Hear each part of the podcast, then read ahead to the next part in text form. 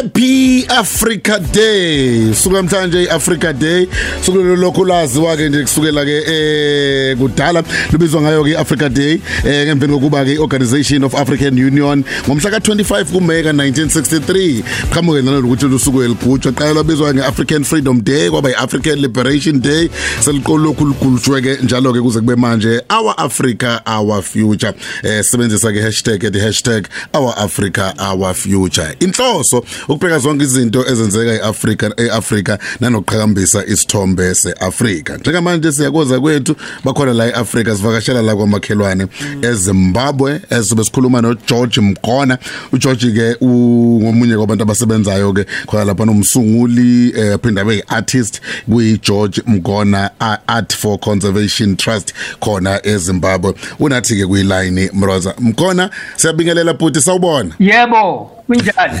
Ngiyaphila unjani? Hayi ngiphilile. Ah, mhlambe mkhona asiqale ngapha yini home language yakho yiliphi language oyikhulumayo kahle kahle because ngiya understand ukuthi isiZulu uyazama kancane yini home language yakho uyazi ukuthi mina vele ngivela eMalawi lapho ngadabuka khona but ngiseZimbabwe emandebeleni ngihlezi lapha for about the past 25 years. So ngiyazama ukukhuluma isiZulu salapha eZimbabwe esithiwa isindebele. Oh yenda.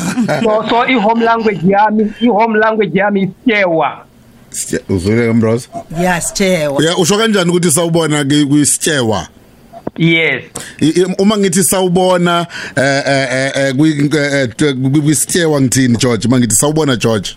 Em um ungathi mulibwanji meaning ukuthi unjani? Ngulebanje moni ukuthi sakubona yo! Moni. Bros Yeah. morning brother Morning morning. Morning. zikomo kwambiri In- kwambiri. kwambiri Uma ngabe zikomo kwambiri uma ngithi ngizoletha izinkomo. Eh ngizoletha izinkomo for like for Eh, pride prize. ndibwera ndingombe Oh. inkomo ngombe. Ngombe. Ndibwera ndingombe ngiza- ngizoletha izinkomo. Hayi Okay. nami nginento ngombe eziningi. Ma George George ngiyafisa sikhulume eh, nge- nge- ngendaba enkulu eh, Africa Day namhlanje. Tshela awusitshele kuqala nge George Mkhona Art for Conservation Trust. Iniyenzani ninenzani lapha? I- i-organization ethiwa George Mgona Art for Conservation eh iqalise um ngo-2019 eh injongo yakhona ngiyokunanzelela uku eh ukugcina eh imvelo.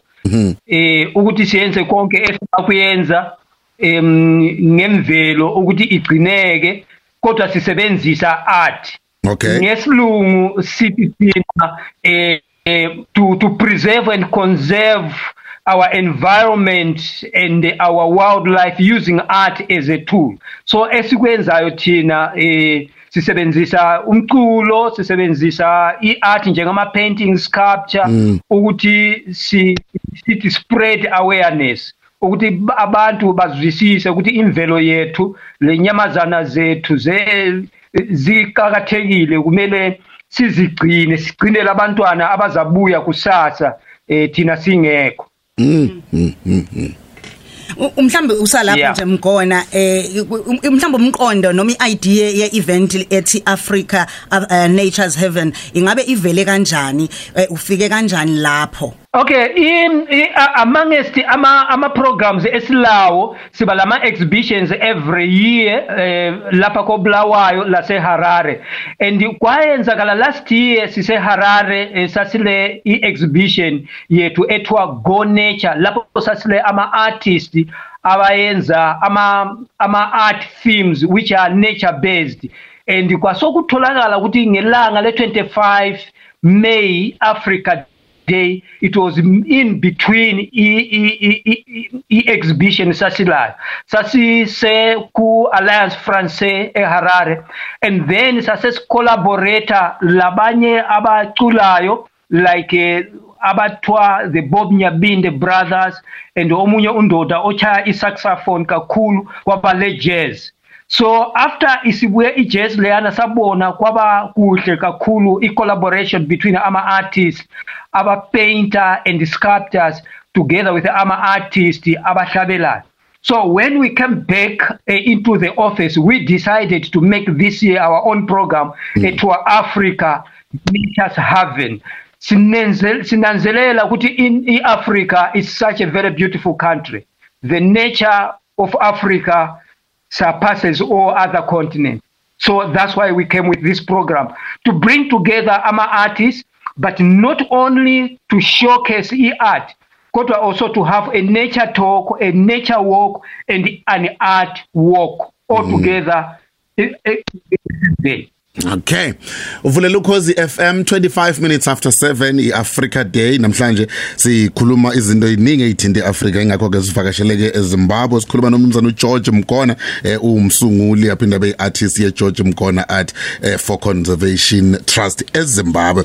George ngaphambilini uye wakhuluma nge nge nge nge nge, nge art ikwazi ukuspread awareness ikwazi ukupreserve iculture neenvironment njalo njalo kungalahleki abantwana bethu abezayo in future bakwazi ukuyibona. But ngifuna ukubheka ukuthi ngale kwalokho nenze njani ukwenza sure ukuthi umhlaba wonke the whole world eh ayigcini isi exploiter i South Africa ama noma ama Africans kodwa nithi nizama ukupreserve nanokupromote izinto ezenziwa eAfrica. Um, a- amongst the- uh, our programs, kule also ama educational programs, and kule i- ama education programs, sizama ukufundisa um abantu bethu eh school children even aba abancane kakhulu ukuthi bazwisise ukuthi Africa is for Africans. And when Africa is for Africans wona ba ba- kumele bathathe indawo yawo yokuzigcinela iAfrica keep their cultures keep their eh wildlife keep their environment. Bangamelele abantu abavela kwamanye amazwe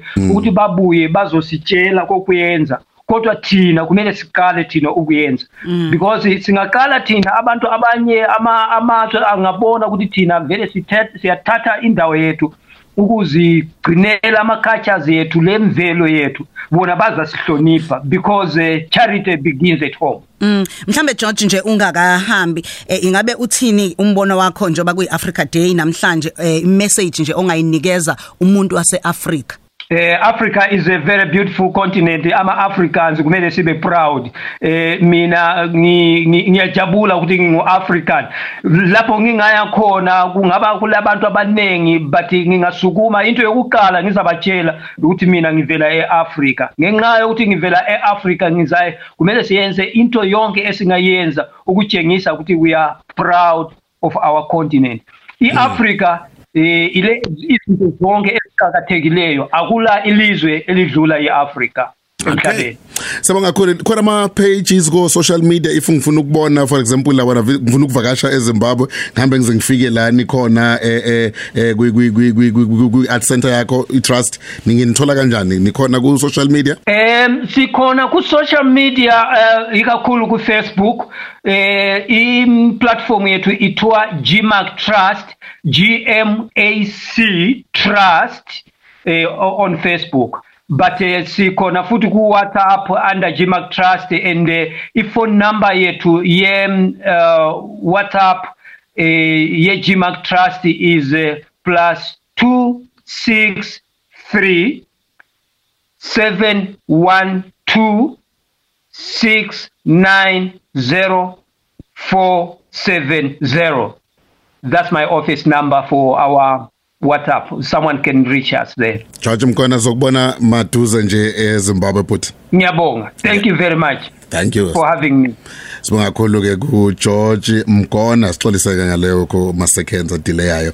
Eh mthinto seZimbabwe kodwa u- u- clear kahle uzocace kahle uyabona ukuthi eh, i- i- ezobuchwepheshe ziyazithuthuka ngempela. Bekuthi mhlawumbe masifonela umuntu ekude ukhumbula ukuthi ubukana lo Ne- khona ne- lana angakuzwa kahle kodwa uyezwa nje ukuthi hayi Eh, ingathi simfonela sila esa- nayo la eSouth Africa. Njalo ke ndama ukuthi uyaphuma ke eZimbabwe ngafika uyicheke ke eh ibizwa ngeGmac ngabheka na ku social media ezuya khona ukwazi ukuyobona ufunde ezinye zezinto zethu njengama Afrika kanti ke futhi okunye sigameza njengoba kade ushilo ukuthi sizoke sivakashela amazwe ngokuhlukahlukana sizoke siye nase Nigeria eh siyokhuluma ke la nomunye ke ongumlingisi aphinde futhi ke abe ke ngummodeli eh uTayo Faniran sobe sikhuluma naye nje naye obamba iqhaza elikhulu kwiAfrica kana kale kwa 8 sikhuluma nobukhosi bakhona eNigeria. eNigeria. Futhi nje mhlambe singafanisa nesilo yes. sala eMzansi. Ya isilo. Uzokwazi ukuthi indaba ezithe ngolimi lakhona your highness. Hayi ngizingisi bro your royal highness. Ngolimi lakhona hayi ngizingisi ikwe yiba nomoya woxolo wokubuyisana ubuntu nozwelo njengomafrika wangempela. Ukhosi FM luhamba phambili.